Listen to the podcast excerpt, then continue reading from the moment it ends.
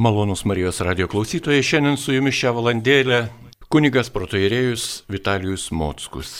Taigi, gerbiamas kunigė, mikrofonas jūsų ir ši valandėlė jūsų. Garbėjai Kristui.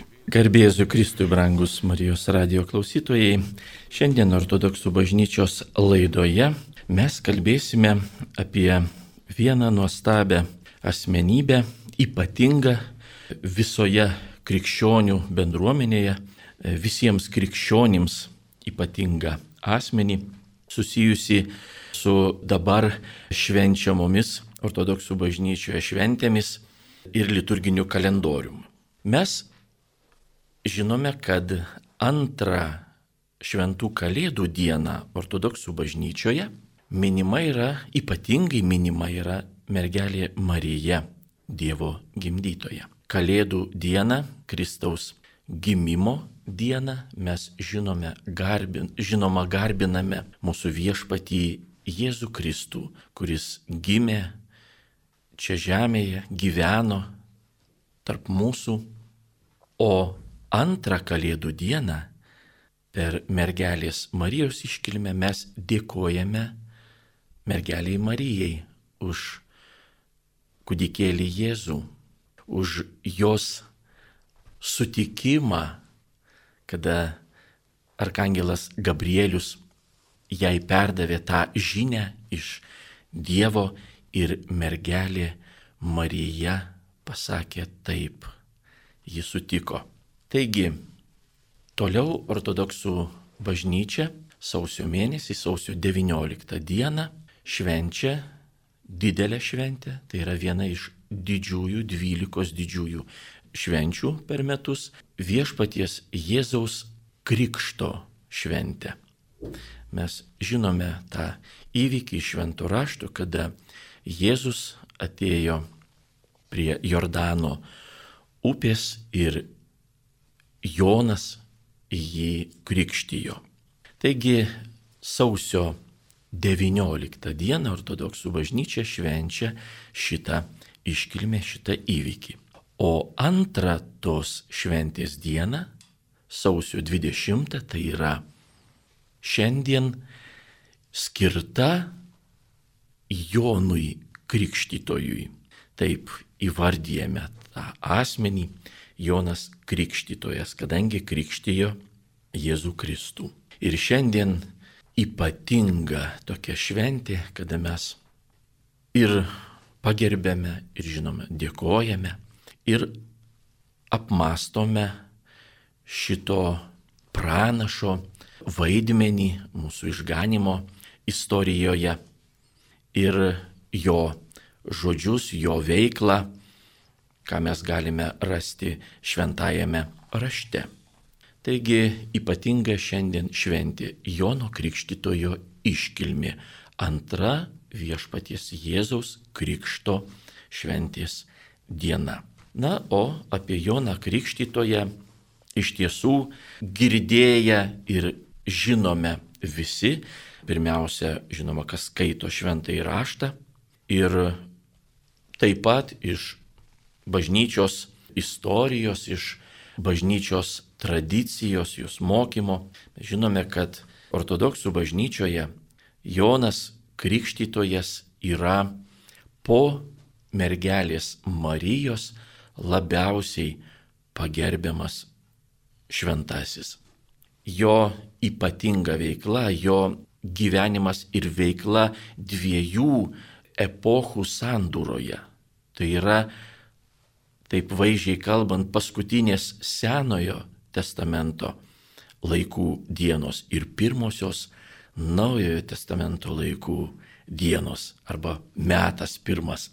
Taigi atėjus viešpačiui išganytojui Jonas Krikštytojas tą savo veiklą, tą savo misiją vykdė ir nurodė, štai jis yra Dievo avinėlis, rodydamas į Jėzų, kada krikštijo.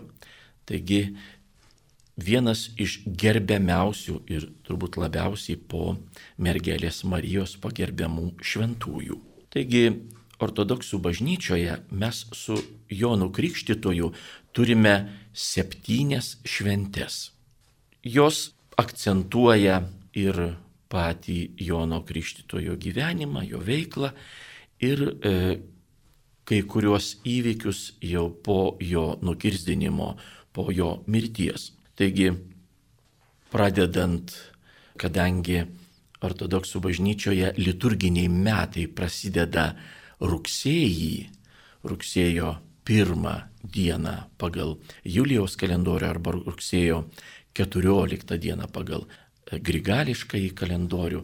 Taigi pirma e, liturginių metų šventė susijusi su Jonu Krikštytoju yra švenčiama spalio 6 dieną, kada minime Jono Krikštytojo pradėjimą. Mes iš švento rašto, ypač iš Evangelijos pagal Luką, kur daugiausiai yra pasakojama apie Joną Krikštytoją ir jo gyvenimo aplinkybės, mes žinome iš net pirmos skyriaus jau apie apreiškimą jo tėvui Zacharijui, kada jam buvo pasakyta, jog jam gims sunus tuo metu, kada jisai atliko, kaip kunigas atliko savo tarnystę šventykloje ir buvo daugybė tokių stebuklingų Dievo duotų ženklų. Tapo neabilių, negalėjo kalbėti iki to meto, kada išsipildė Dievo ta žinia, kada gimė jo sunus ir jį pavadino Jonu ir duotas vardas buvo. Ir tos visos aplinkybės išdėstytos yra Evangelijos pagal Luką pirmame skyriuje. Ir tą spalio šeštą dieną štai ortodoksų bažnyčia ir mini Jono Krikštitojo pradėjimą, kada ypatingai akcentuojamas dėmesys e, į va, tuos įvykius aprašytus Evangelijoje pagal Luką. Liepos 7 dieną švenčiame Jono Krikštitojo gimimą arba dar kaip liaudyje įprasta vadinti Jonines. Liepos 7 diena pagal Julijaus kalendorių būtų Birželio 24. Taigi ir vakarų krikščionys ir rytų krikščionys švenčia tą pačią dieną, tik pagal skirtingus kalendorius, todėl ir datos skiriasi. Taigi jo gimimą mes švenčiam Liepos 7 dieną.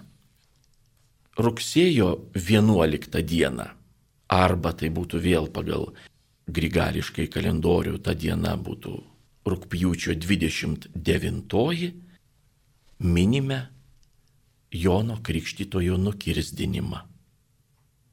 Vėl Evangelijoje yra aprašytos tos aplinkybės, kai baigė savo žemiškai gyvenimą Jonas, tokios liūdnos aplinkybės ir ta diena ypatinga yra rugsėjo 11-ąją paprastai melžiamės, žinant tas aplinkybės, kada buvo pokylis, Erodas surinko savo draugus, pažįstamus ir kitus žmonės ir jie ten gėrė, šoko ir tada jau įgėręs jisai pažadėjo, kad išpildys bet kokį jam labai įtikusio savo šokių jo karaliaus erodo, tos neteisėtos žmonos dukters šokis jam įtiko ir jis pažadėjo išpildys bet kokį jos prašymą. Ir nepagalvojo, kadangi jau galbūt ir nekontroliavo savęs, kada žmogus padauginęs yra alkoholio, gali bet ką leptelti, bet ką pasakyti ir jisai išsakęs tą savo tokį pažadą, kad bet kokį prašymą išpildysiu, na, galėjo tą mergaitė paprašyti turtų, galėjo kažkokiu tai papuošalų ar dar ko nors tokio, ko turbūt ir tikėjosi karalius Erodas, bet pasirodo savo mamos pamokyta ta mergaitė paprašė Jono Krikštitojo galvos. Ir jis jau nebegalėjo atšaukti savo žodžių ir pats to gal nepadarytų, bet turėjo įvykdyti tai, ko paprašė šitą mergaitę. Taigi, žinant tokias aplinkybės, rugsėjo 11 dieną per Jono Krikštytojo nukirsdinimą ortodoksų bažnyčiose melžiamasi yra už priklausomybės lygomis sergančių žmonės, kurie tikrai priklauso, negali sustoti vartodami alkoholį, narkotinės medžiagas, kitokių priklausomybių yra. Ir ypatinga malda, ypatingi, ypatingos tokios pamaldos vyksta tą dieną. Tai yra, manome, labai tinkama diena melstis už tokius žmonės, tokią štai dieną. Šiandien, sausio 20 dieną, visada yra ta antroji viešpaties krikšto diena Jono Krikštitojo iškilmė. Sinaksė dar graikiškai kitaip, kada susirenka visi pagerbti Joną Krikštitoje. Ir yra keletą švenčių susijusių jau su jo Jono Krikštitojo palaikais. Tai kovo 8 arba 9 dienomis čia priklauso nuo to, kokie metai yra mes švenčiame jo galvos pirmą ir antrą atradimą arba suradimą. Jis buvo dingusi, pamesta ir vieną kartą buvo ją radę, antrą kartą buvo radę, na, o dar birželio 7 dieną švenčiame ir trečiąjį Jono Krikštitojo galvos atradimą arba suradimą. Taigi, apie ką pasako mums šito šventės. Atrodytų, tai, na, mūsų to, krikščionių bendruomenės tokia, nu, gal ne tik nuo, nuo mūsų priklausančios tokios aplinkybės, bet vis tiek, na, praradom. Vieną kartą ten net ir, ir užmiršom, kur, kur ta galva buvo, kada reikėjo jau Dievo įsikišimo, jo buvo nurodyta vienam šventajam, kur atrasti Jono Krikštitojo galvą, jo relikvijas. Taigi atrodytų, na, kas čia per šventės, bet bažnyčia šitomis dienomis, neužmirštomis tos galvos atradimo tris kartus dienomis, nori akcentuoti Jono Krikštytojo svarbą. Kad melzdamiesi ir tą dieną mes vis tiek, e, na, džiaugiamės atradę tą galvą, švenčiam, bet vis dėlto mintis nukreipiam į patį Joną Krikštytoje. Vėl ir vėl dar kartą savo primenam apie jį, pasimeldžiam jam, na ir žinoma, šventajame rašte paskaitom tas vietas susijusias su juo. Taigi ir dar viena šventė yra 25 spalio kada švenčiam, minim e, jo e, dešinės rankos relikvijų pernešimą, perkelimą iš Maltos į Gačiną, į miestą, kur perduotos buvo Maltos ordino magistro e, saugojimui. Taigi vėl akcentuojam tą įvykį, norėdami ir dar kartą atkreipti dėmesį į patį Joną Krikštytoje. Na, o šventas raštas, Biblija mums sako, jog buvo ir pranašysčių Senajame testamente apie Joną Krikštytoje. Mes paprastai skaitom per pamaldas, ypač Kalėdų išvakarėse sausio 6 dieną pranašystės jų daug yra iš Senojo testamento apie ateisiantį arba ateinantį išgelbėtoje Jėzų Kristų. Bet yra pranašyščių ir apie Joną.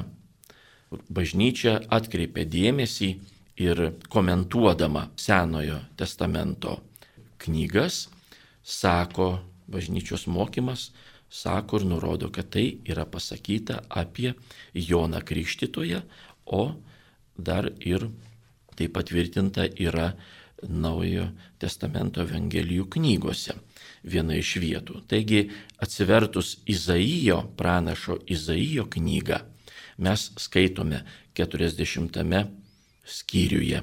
Pasigirsta balsas, per dykumą tieskite viešpačiui kelią, tyruose ištiesinkite mūsų Dievui vieškelį.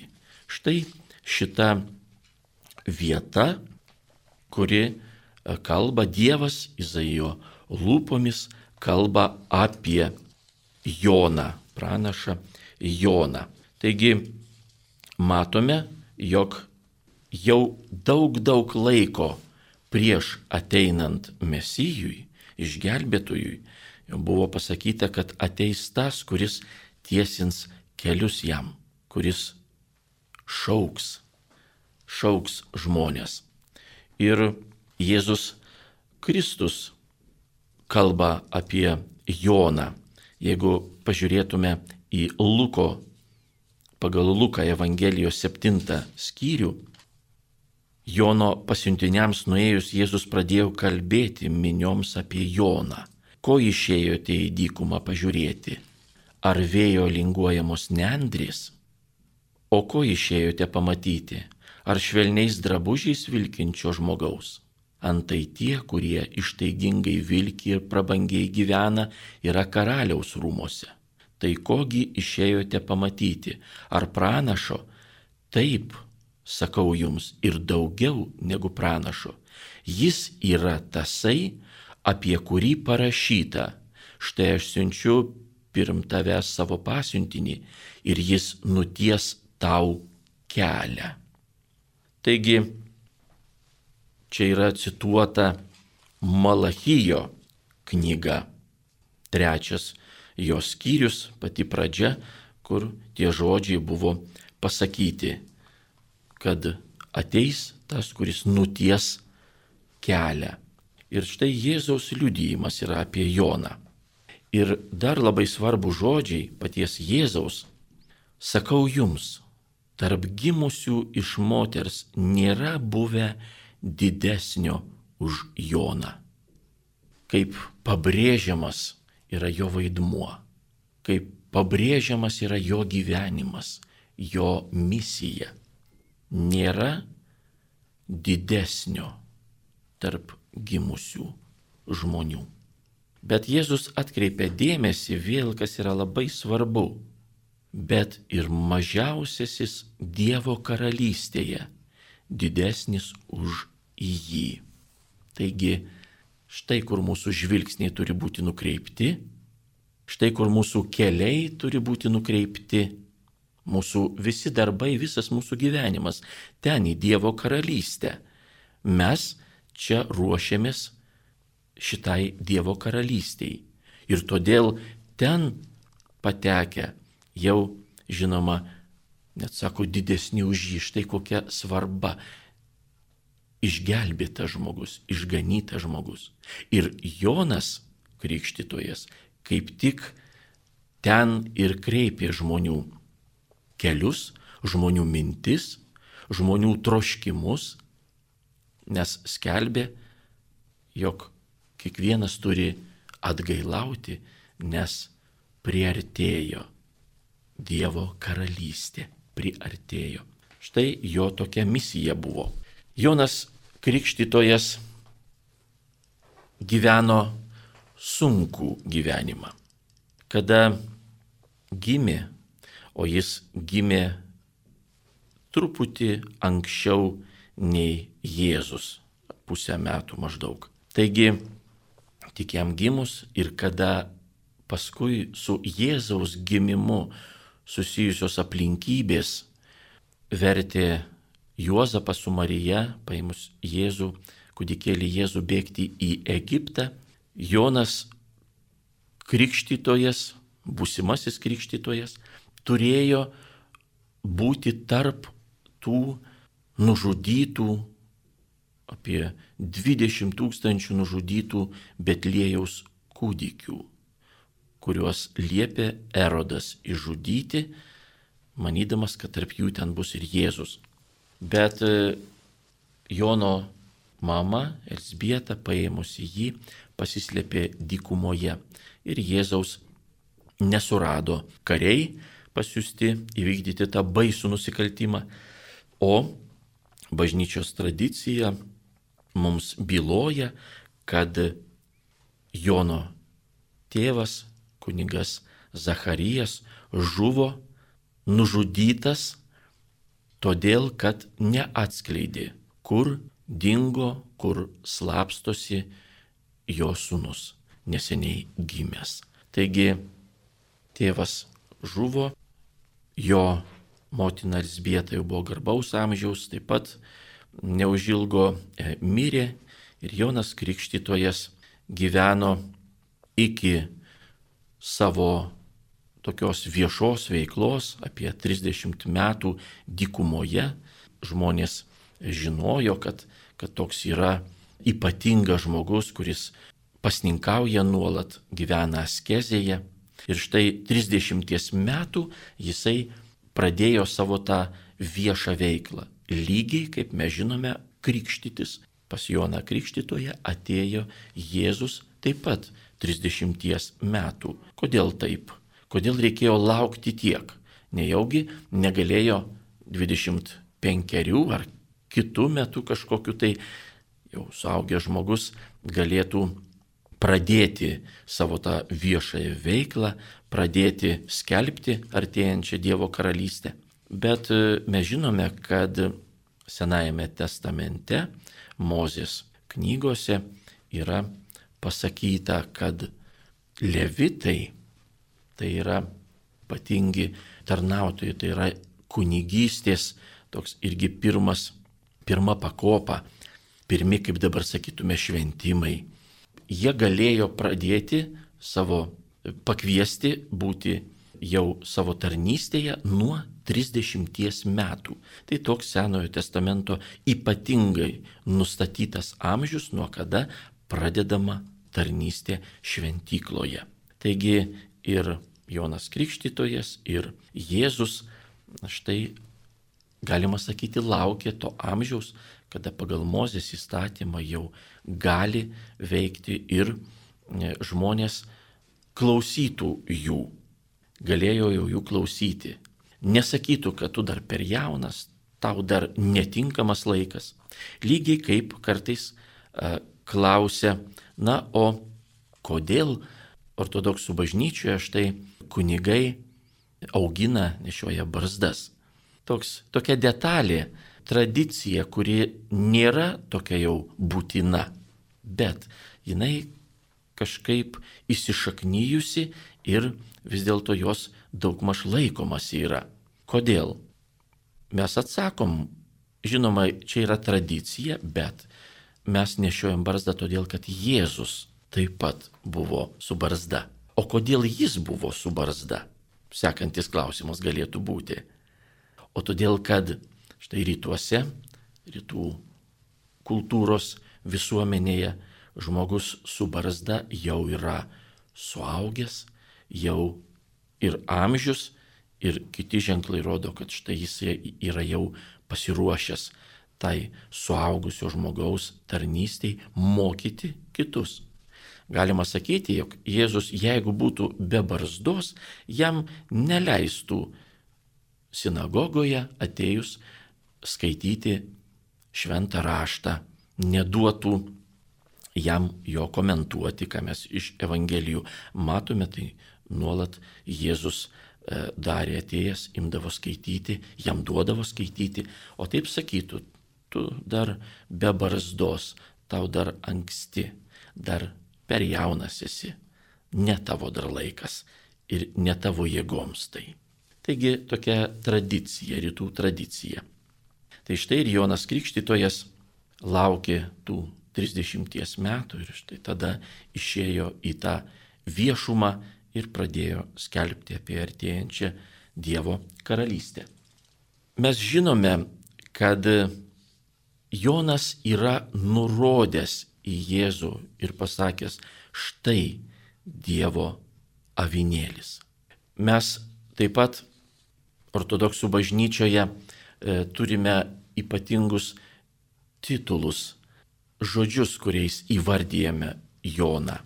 Labiausiai paplitęs ir visame krikščioniškame pasaulyje paplitęs e, jo vardas, įvardyjimas, titulas Jonas Krikštytojas. Todėl, kad krikštijo Jėzų. Bet ortodoksų bažnyčioje, galima sakyti, vienodai paplitę yra ir kiti dar titulai. Žinoma, pranašas, kadangi tai yra paskutinis Senojo testamento ir pirmasis Naujojo testamento pranašas. Ir taip pat pirmtakas. Tas, kuris eina pirma. Ir mes jau citavom tą Malachijo knygą, kur pasakyta, štai aš siunčiu pirm tavęs savo pasiuntinį ir jis nuties tau kelią. Taigi, pirma tavęs. Tas, kuris pirma atėjo, bet nutiesti kelią, tik parodyti į jį. Ne pats jis yra tas, kurio žmonija laukia. Jis tik nutiesia kelią. Taigi yra pirmtakas. Ir tas pavadinimas, tas titulas yra ortodoksų bažnyčioje naudojamas lygiai tiek pat, kiek krikštytojas. Net sakom, kad per paskutinį palaiminimą liturgijos metu sakome e, šventojo pranašo, pirmtako ir krikštytojo Jono maldų užtarimu. Žmogus yra laiminamas. Taigi tokia ypatinga reikšmė, vėl pabrėžiu, Jono Krikštitojo. Ir taip pat liturgijos metu po šventų atnašų duonos ir vyno konsekracijos, kada duonas ir vynas jau tapo viešpaties kūnų ir krauju, minima yra visa bažnyčia. Ir po ypatingų žodžių, pagerbint mergelę Mariją, Paskui kunigas maldoje po mergelės Marijos mini iš karto Joną Krikštytoje. Na ir tos dienos šventai, o paskui eina tokie bendri jau įvardyjimai ir, ir malda už, už bažnyčią, už visus krikščionys, už ypatingas tarnystės, ypatingus, ypatingas žmonių grupės, jos yra įvardyjamos, net tarkim viena iš jų yra prašome e, Dievą palaiminti tuos, kurie mini e, vargšus, kurie padeda vargšams. Jie įvardinti net atskirai yra. Taigi Jonas Krikštytojas iškart po mergelės Marijos kiekvienos liturgijos metu minimas. O taip pat, jeigu žinant mūsų ortodoksų bažnyčios liturgiką, kada kiekviena savaitės diena skirta kažkam tai, tai pirmadienis yra skirtas angelams, arkangelų Mykolui ir visiems angelams. Trečiadienis yra skirtas paminėti, čia kiekvienos savaitės trečiadienis, Jėzaus išdavystę išdavė Judas tokia diena ypatinga atminti tai, kaip būna žmonės elgesi. Ketvirtadienis yra skirtas apaštalams ir šventam Mikalojui, mirų arkivyskupui. Penktadienis skirtas paminėti viešpaties kančią.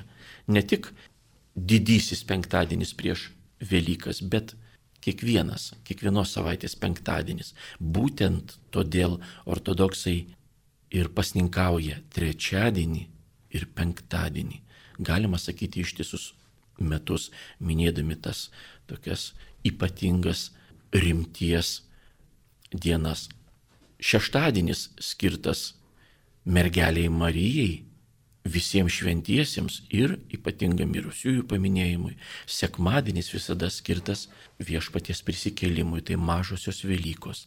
Galima sakyti, kiekvienas sekmadienis yra didelė šventė. O Jonui Krikštytojui skirtas kiekvienos savaitės antradienis. Per liturgiją, per vakarinės pamaldas ypatingai daug giesmių Jonui Krikštytojui yra antradienį. Jau trečiadienį jos nėra gėdamos ar skaitomos ir kitomis dienomis, o antradienį, kiekvieną antradienį daug girdime kreipinių, daug maldų, daug minčių bažnyčios suformuluotų ir krikščionims tikintiesiems labai reikalingų nukreipti savo mintis, savo maldas, prašymus, padėkas ir taip toliau. Taigi antradienis, kiekvienas antradienis yra skirtas Jonui Krikštytojui. Štai ortodoksų bažnyčia šitaip akcentuoja, šitaip žiūri į Joną Krikštytoje, ypatingai pagerbė, ypatingai išskiria iš kitų šventųjų, iš kitų asmenų bažnyčios istorijoje. Jonas pranašas, pirmtakas ir krikštytojas. Jam melžiamasi užtarimo ir prašoma užtarimo, kada sunkios gyvenimo aplinkybės, kada prašome jėgų suteikti mums dovanoti, jėgų ištverti, kada reikia priimti sunkius sprendimus. Būna tokio aplinkybių gyvenime, kada dvėjojam, gal taip pasielgti, o gal taip, kartais nežinom, kas yra geriau, kas yra teisingiau, kas tinkama ir ypač turint omeny, jog krikščionys priima sprendimus vadovaudomėsi ne tik šio pasaulio interesais, kaip mums čia patogiau, bet priima sprendimus beje visada ir nesvarbu kokio lygio tie sprendimai, ar kasdieniai būty, ar kokie tai gyvenimą keičiantys sprendimai, visada krikščionis vadovaujasi krikščioniškom savo pažiūrom. O ką šventas raštas sako, o ką Dievas man sako, kaip moko gyventi, koks aš turiu būti. Ir štai iš to ir išplaukia mano sprendimai. Taigi kartais sunku būna apsispręsti, kartais norisi eiti lengvesniu keliu, bet ne visada teisingesniu. O vengiam priimti sunkius sprendimus, kurie turėtų galbūt tokių pasiekmių, bet jie yra teisingi Taip turėtų pasielgti krikščionis.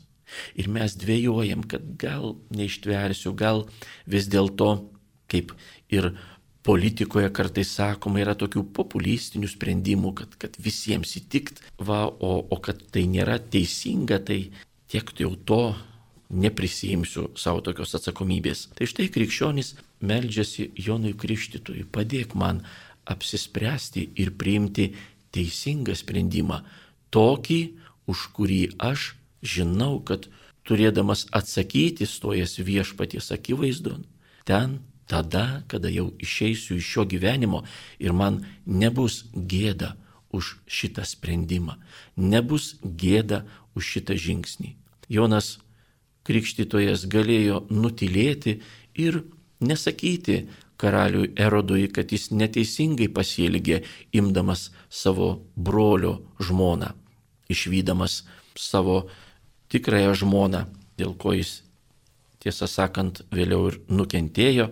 Mes iš istorijos žinome, kad 37 ar 8 metais po Kristaus mūsų eros metais jis buvo imperatoriaus Kaligulos, Romos imperatoriaus įkalintas Galijoje ir ten mirė niekam nežinomas ir užmirštas, nes Persijos karalius užpuolė tada Palestiną, kadangi jo Erodo žmona pirmoji buvo to karaliaus duktė.